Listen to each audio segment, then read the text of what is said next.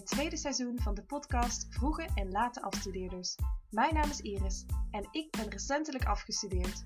Ik deel hier wekelijks mijn verhalen, ervaringen en tips over de transitie van student naar werkende. Ik praat over onderwerpen die relevant voor jou zijn als laatstejaars of wellicht als starter op de arbeidsmarkt. Van werken in loondienst tot ondernemen en van persoonlijke ontwikkeling tot actie. Laat of vroeg krijg je er als vroege of late afstudeerder mee te maken. Hey, hallo allemaal. Welkom weer bij een nieuwe aflevering van de podcast Vroege en Late Afstudeerders, seizoen 2.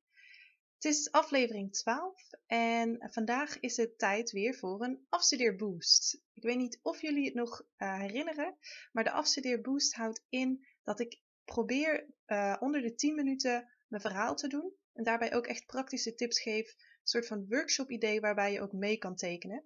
En dat gaan we vandaag weer doen in deze afstudeerboost nummer 4. Het thema van vandaag is de dilemma's van 2021. Nou, en op zich is dit thema niet heel verrassend, want we zitten aan het einde van het jaar.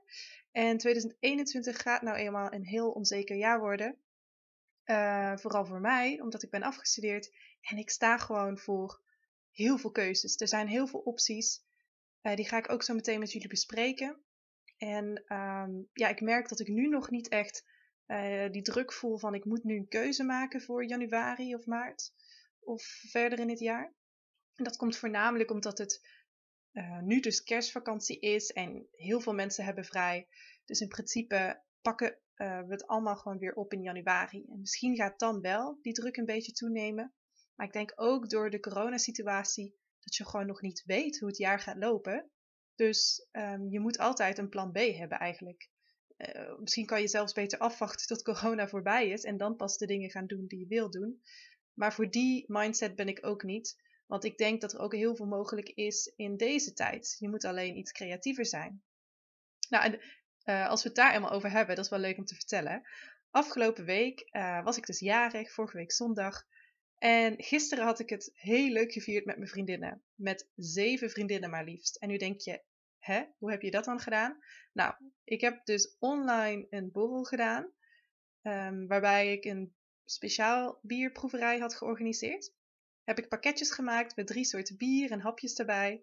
En nu ben ik bij iedereen gaan langsbrengen. Want iedereen van mijn vriendinnen woont gewoon nu nog in Wageningen. Dus uh, aan de deur, hey, uh, hier is jouw pakketje. En het leuke was dat ik er ook iets voor terugkreeg. Dus een kaartje of een cadeautje. En toen zei ik, ja, ik ga nu nog de rest van mijn ronde. En over een half uurtje of zo, dan gaan we online. Dus ik had ze vooraf ook uh, de uitnodiging van de teamsvergadering gestuurd. En we zouden dan rond een uur of half vijf, vijf uur met z'n allen online gaan borrelen. Nou, dit was de eerste keer dat ik echt zoiets georganiseerd heb. En um, ik moet zeggen, het was echt hilarisch. Het was fantastisch. Want ik had dus um, wat dingen voorbereid om over de biertjes te vertellen. Uh, we hadden samen een spel gespeeld. En het was gewoon heel gezellig. Het was wel op het begin vooral met z'n zevenen een chaos. Omdat je niet allemaal tegelijk kan praten. Maar als je er eenmaal een beetje aan gewend raakt, dan ja, is het gewoon echt alsof je gewoon samen zit. Uh, in een kroeg uh, dezelfde biertjes te drinken. Dus ja, echt een heel leuk idee als je niet weet hoe je je verjaardag wil vieren. Of misschien ter inspiratie van jullie kerstdiner. Uh, dit is echt gewoon uh, een leuke optie om ja, toch het gevoel hebben dat je samen bent. Um, en ik had het op de dag zelf heel klein gevierd met wat familieleden en zelf een taart gemaakt. Ja, ik hou van bakken en het was lang geleden dat ik me helemaal had uitgesloofd voor een taart te maken, helemaal van scratch. En het was een hele lekkere vlaai geworden met pudding, kersen en merengue. Uh, ja, dus dat was uh, een geslaagde dag. Maar ook zeker gisteren voelde ik me echt jarig ook nog. Dat ik dacht, ja, superleuk. Nou, en de rest van de afgelopen week uh, heb ik um, ja, een gesprek gehad voor um, ja, met te verdiepen in de um, ja, opties die er allemaal zijn, waar ik jullie in de vorige aflevering iets over vertelde, over die reis wat ik wil gaan maken door Europa. Want ik zit dus nu helemaal in dat thema van duurzame landbouw. En ik probeer nu mensen te spreken die iets in hun werk daarmee doen. Dus daar had ik afgelopen week met iemand een gesprek. En dat was super verhelderend. Zo van, wat is er allemaal al? Uh, waar liggen nog kansen? Met wie kan ik in contact komen om hier verder over te sparren? Dus ik begin het een beetje te begrijpen hoe dat netwerken helemaal gaat. Ja, en ik kreeg er echt veel energie en inspiratie van. Dus daar ga ik vooral mee door. dit soort kleine meetings plannen. met mensen die dus gewoon heel veel werkervaring hebben en die je via via kent. Want ik ben met deze persoon in gesprek gekomen via een vriendin van mijn moeder. Ehm, die zei, ja, ik ken wel iemand die daar werkt. Dan kan ik je wel mee in contact brengen. Toen zei ik, oh top, nou, even LinkedIn berichtje. Ja, diegene stond helemaal uh, open daarvoor om uh, gewoon een uurtje met mij te sparren. Ideaal. En uh, verder heb ik me dus ook weer bezig gehouden met um, Starters for Communities. Daar hadden we best wel veel meetings van. We hebben een hele switch gemaakt van onderwerp. Dat je denkt, oh mijn god, we gaan weer opnieuw beginnen. Um, maar voor mij werkt dat ook wel motiverend, want ik weet dat ik nog maar korte tijd heb, minder dan een maand, dat het project af moet zijn. En we gaan nu weer alles over een uh, andere boeg gooien. Dus nou, kom maar door, uh, we gaan er het beste van maken. Dus dat geeft mij ook wel motivatie. Um, dus daar heb ik me nog mee bezig gehouden. En het baantje voor een onderzoeksbureau, wat ik nog daarnaast doe, had ik deze week niet heel veel uren aan besteed, maar ga ik volgende week weer aan werken. Dus, uh, dus dat. En uh, wat ook wel leuk is om te vertellen, ik heb voor mijn verjaardag uh, een soort van dezelfde uh cadeaus gekregen. Nou, wat bedoel ik? Ik bedoel dat ik boeken heb gekregen. En die denk je, hè, Iris en boeken? Want als, ja, hè, familie, vrienden die mij kennen, ja, ik lees gewoon niet veel. Maar ik vind boeken die onderbouwd zijn, hè, met wetenschappelijke literatuur of informatie, juist heel interessant. En die over een bepaald thema gaan. En aangezien ik nu helemaal in dat duurzame landbouw en voedselsystemen zit, en mijn omgeving merkt dat ook, heb ik dus drie boeken gekregen die hierbij aansluiten. Het eerste boek is een kookboek slash informatieboek en dat heet uh, Eating for Pleasure, People and Planet. Ik ben er nog niet in begonnen, uh, maar ja, als ik er inspiratie uit heb gehaald, ga ik er sowieso ook een podcast over maken. Het tweede boek, uh, dat heb ik van mijn vriendinnen gisteren gekregen. Dat heet Food and Society. Uh, dat legt eigenlijk volgens mij de basis van uh, ja, het voedselsysteem waar we nu in leven uh, uit. echt ja, een beetje voor dummies, gewoon heel simpel, maar wel goed onderbouwd en kritisch naar gekeken. Dus het zal ook voor veel inspiratie leiden. En het leuke is dat die twee in het Engels zijn, dus kan ik ook iets meer in de Engelse termen duiken. En het derde boek, dat heb ik van mijn zus gekregen met mijn verjaardag. En dat heet Twintigers Twijfels en Dertigers Dilemma's. Het is van Nienke Wijnands. En uh, ja, daarmee heb ik ook uh, inspiratie opgedaan voor de podcast van vandaag. Ik zie trouwens al dat ik op de 7 minuten zit, dus onder de 10 minuten gaat me sowieso niet lukken. maar hij wordt wel sowieso korter dan andere podcasts, want dat is meer het idee dat je niet elke week een 30 minuten aflevering hebt. En dat is voor mij ook wat fijner, uh, dat ik weet dat ik niet elke week een half uur hoef op te nemen, want het kost ook wel best wel veel tijd om op te nemen en voor te bereiden. Um, maar dus vandaag gaan we het hebben over tips om beter te kiezen. En dus geïnspireerd op dat boek van Nienke Wijnands. En dit boek is eerder uitgebracht, um, uh, maar het is nu een nieuwe versie geschreven omdat we eh, tien jaar later nu weer met social media en zo in een hele andere situatie zitten. Maar het is dus geschreven voor de millennials en dat zijn dus uh, de kinderen die zijn opgegroeid vanaf de jaren 80, 90, vooral jaren 90 eigenlijk, en die in die fase zitten uh, dat we nu voor zoveel keuzes staan in ons leven. Want wij hebben gewoon alle vrijheid. Alles is mogelijk. En zo zijn we vaak ook opgevoed, in mijn geval ook. Mijn moeder zei altijd, nou, de wereld ligt aan je voeten. Uh, je hebt een goede opleiding. Daar heeft ze me mee helpen um, doorzetten en stimuleren. En nu ja, ligt de arbeidswereld aan mijn voeten. En, uh, en er is ook gewoon heel veel mogelijk dat betekent niet per se dat het dat makkelijker maakt, want die keuzevrijheid, dat levert ook heel veel stress. En ook ja, al die bekende uh, concepten, daar las ik net ook over, FOMO en zo. Nou ja, dat je dus weet wat er allemaal is, ook door social media en zo. Dan denk je, oh, dat wil ik ook. Ik wil zowel hè, een reis naar het buitenland maken, als uh, een impactvolle carrière uh, bereiken onder mijn dertigste. Ik wil een eigen onderneming starten, maar ik wil tegelijkertijd ook zelf een huis verbouwen. Nou, dat zijn echt van die dilemma's waar we nu in zitten. En uiteindelijk moeten we toch keuzes gaan maken, want als je overal een beetje mee bezig bent, ben je eigenlijk nergens mee bezig.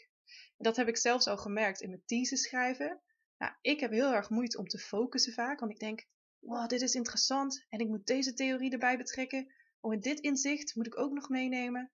Maar als je open staat voor zoveel inputs en je wilt het allemaal in één thesis duwen, nou, dan wordt het echt een onsamenhangend geheel. En dat had ik zelfs ook bij mijn eerste paar podcastafleveringen. Ja, ik was zo vol met ideeën dat je dat allemaal in één aflevering wil duwen. Ja, en dan is het gewoon echt een chaotische aflevering. Dat was gewoon ook niet fijn voor jullie, de luisteraar. Dus ik probeer mijn weg er steeds beter in te vinden om echt keuzes te maken. En nu moet ik toegeven, over het algemeen maak ik keuzes vrijwel intuïtief. Dus echt op mijn gevoel, uh, bijvoorbeeld voor mijn stageplek, met mijn thesis-onderwerp, uh, mijn studie in het begin ook, toen ik naar Wageningen kwam. En dat ik hier ging wonen, in dit huis. Ik doe dat heel erg op gevoel van, wat komt er op mijn pad? En vind ik dat, voelt dat goed of niet? En dan, dan ga ik dat gewoon doen of niet doen. Maar ik merk nu, uh, voor het komend jaar, 2021, ja, dat ik toch mijn keuzes iets meer met een overweging moet gaan maken. Dus wellicht iets meer onderbouwd de keuze moet gaan maken. Want het zijn gewoon grote keuzes. Welk carrièrepad ga ik op? Um, ja, en vandaar dat ik het, um, het T-model vandaag met jullie ga testen. Dat wordt dus omschreven ook door uh, Nienke in dat boek. En dat uh, heet ook wel een beslissingsboom. Ik heb er nooit eerder zo concreet over gehoord. Maar ik doe het af en toe wel automatisch. Want het gaat voornamelijk over de positieve en negatieve um, punten voor jezelf opschrijven per uh, dilemma. En die dan uh, een weging geven en dan uiteindelijk kijken wat de totaalscore is van elk dilemma. En dan uh, kan je daaruit dus opmaken van welke keuze het beste bij jou past, in principe. Um, dus ja, dat gaan we vandaag doen. En de, eigenlijk de, de meest basistip van haar ook is van, nou ja, je moet je eenmaal realiseren dat je niet per se alles kan kiezen. Je, je kan niet en, en, en. Nee, je moet gewoon de knopen doorhakken en je volledig focussen op één of twee dingen. Um, het ligt natuurlijk aan de dilemma's.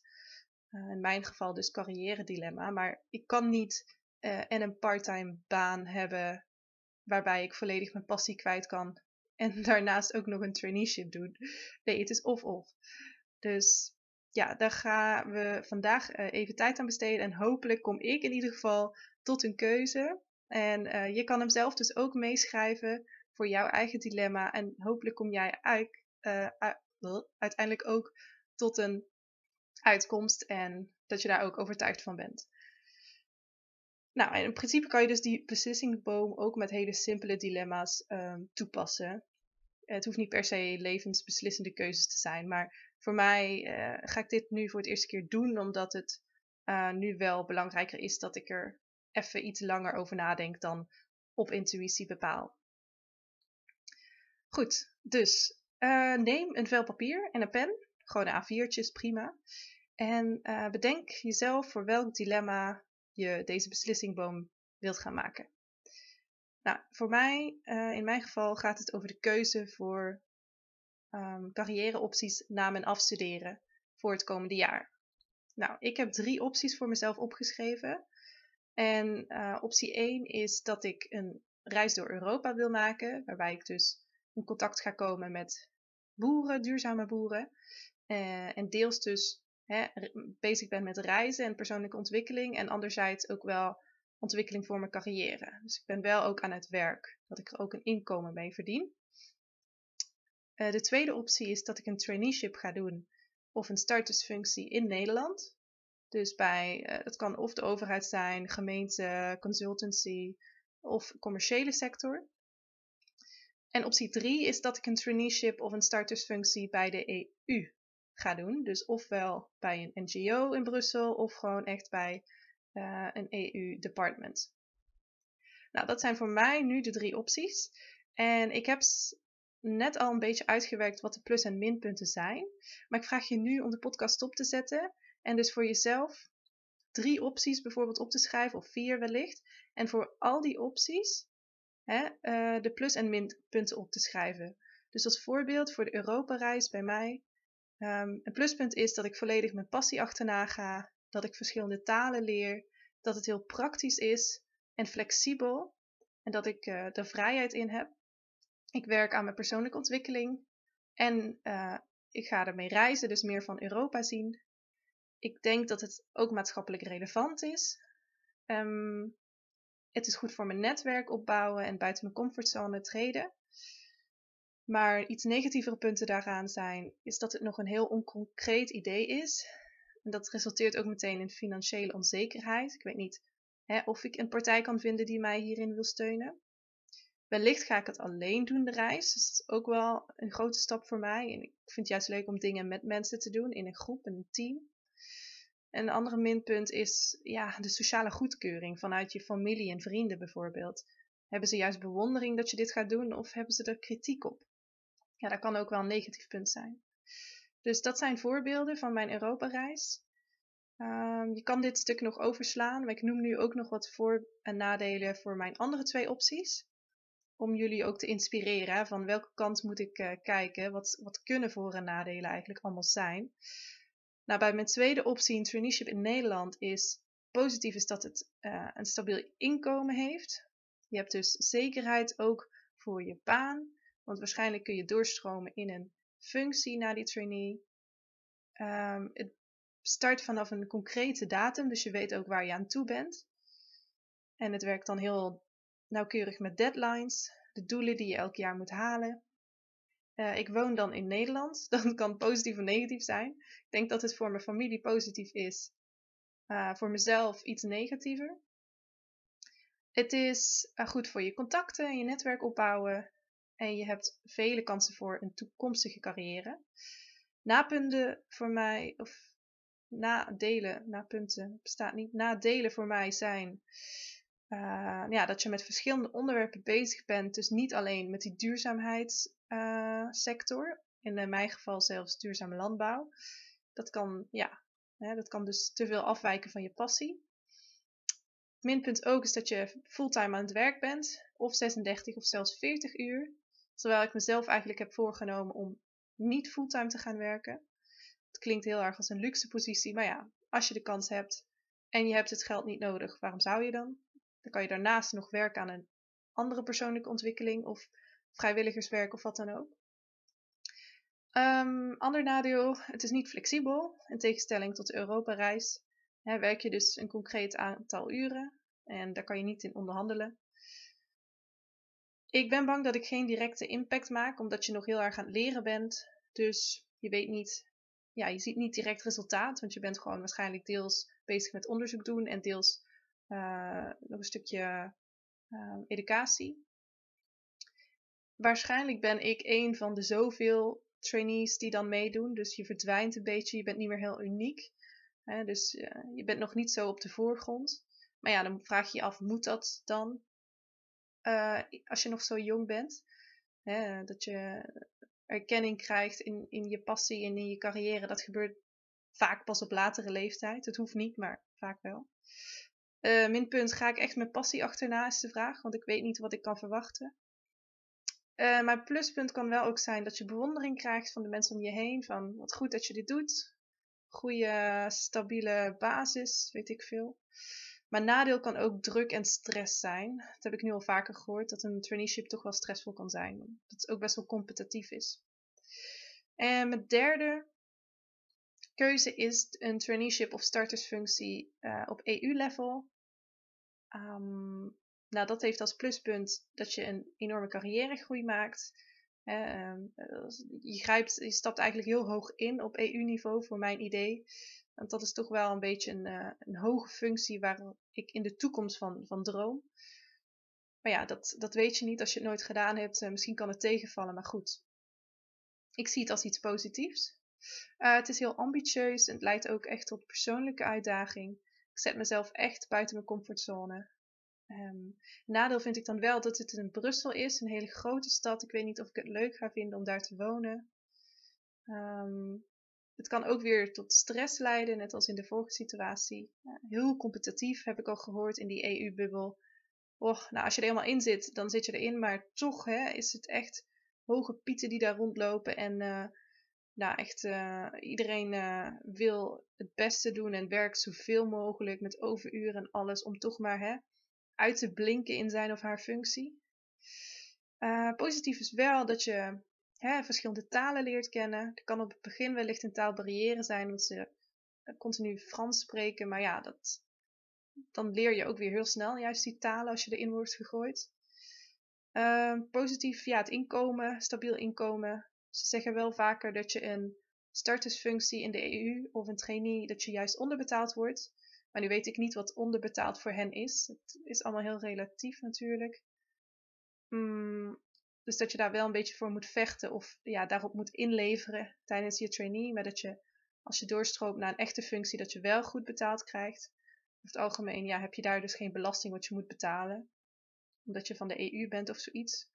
Uh, dus dan is het juist in je voordeel. Um, nadeel, het is vier jaar vaak. Uh, dus, dus je zit eraan vast. Dus niet veel flexibiliteit. Um, ja, plus minpunt beleid. Dat je daar heel erg mee bezig bent. Ik was er eerst heel positief over. Want ik dacht, ja, met beleid kan je het echt de wereld veranderen. En hè, bedrijven of consumenten hun gedrag laten veranderen. Maar ik ben er ook steeds meer achter gekomen dat als beleid eenmaal bepaald is. Kijk maar naar uh, gemeenschappelijk landbouwbeleid. Het staat weer vast voor de komende zeven jaar. En is nadelig voor de kleine boeren. Ja, jammer joh, uh, je bent te laat. Je moet weer zeven jaar wachten of zo. Dus het kan ook weer negatief zijn om alleen maar met beleid bezig te zijn. En uh, vooral positief punt bij de EU denk ik dat je heel veel bewondering krijgt van de mensen om je heen. Dat je denkt, wow, jij uh, hebt iets bereikt. Oké, nou dat was heel kort um, en krachtig voor mezelf ook opgeschreven. Nou, wat zijn de plus- en minpunten? Ik ga de podcast even stopzetten en dan ga ik uh, de punten toekennen. Dus dat doe je van punten te geven van 1 tot 10. Dus als je iets heel belangrijk vindt, dan geef je het een 10. Als je het middelmatig vindt, een 5. En als je het niet belangrijk vindt, een 1. Je kan ook cijfers tussenin hè, gebruiken, 8, 9. Maar dat vind ik een beetje te complex worden. Dus ik zeg gewoon 1, 5 of 10 punten voor of een plus of een minpunt. Dus qua belangrijkheid eigenlijk. Nou, tot zo. Ja, daar ben ik weer. Ik heb uh, mijn punten berekend en ik vind het wel een hele interessante uitkomst eigenlijk. Um, goed, ik ga het met jullie meteen delen. Mijn eerste optie was de Europa-reis. Daarbij heb ik een positief aantal punten van 46 en negatief aantal punten van 30. Dus mijn totaalscore is 16. De tweede optie, Traineeship Nederland, heb ik het aantal uh, positieve punten was 22 en het aantal negatieve punten 45. Dus ik kom op een totaalscore van min 23. Wow, dat had ik zo niet verwacht. En uh, optie 3, dus die traineeship bij de EU, heb ik een positief aantal punten van 40 en negatief 25. Dus ik heb een totaalscore van 15. Nou, dus de winnaar, net winnaar met één punt, is de Europa-reis. Maar eigenlijk staat Europa-reis en traineeship EU best wel gelijk. En ik had het zo niet verwacht, want ik ben de laatste tijd best wel bezig met die traineeship Nederland. En ik dacht, wow, dat is best wel uh, een toekomstplan. Lijkt me heel gaaf. Terwijl die uit de test uh, op mijn of ja, niet meer op mijn gevoel, maar dus echt met die onderbouwing als negatiefste uit de test komt. Dus uh, nou, interessant. Dit he heeft me echt een nieuw inzicht gegeven. ik hoop ook dat het voor jou helpt. Eh, het is vandaag trouwens 19 december en de komende week is het kerst. Dus ik wens jullie alvast hele fijne feestdagen toe. En uh, gebruik misschien uh, een van de tips die ik had gegeven in het begin. Om toch iets online te plannen. Want het is toch gewoon belangrijk dat we allemaal goed blijven opletten. En dat we wellicht hè, na die golf in januari, in februari toch weer wat, weer, wat meer mogen.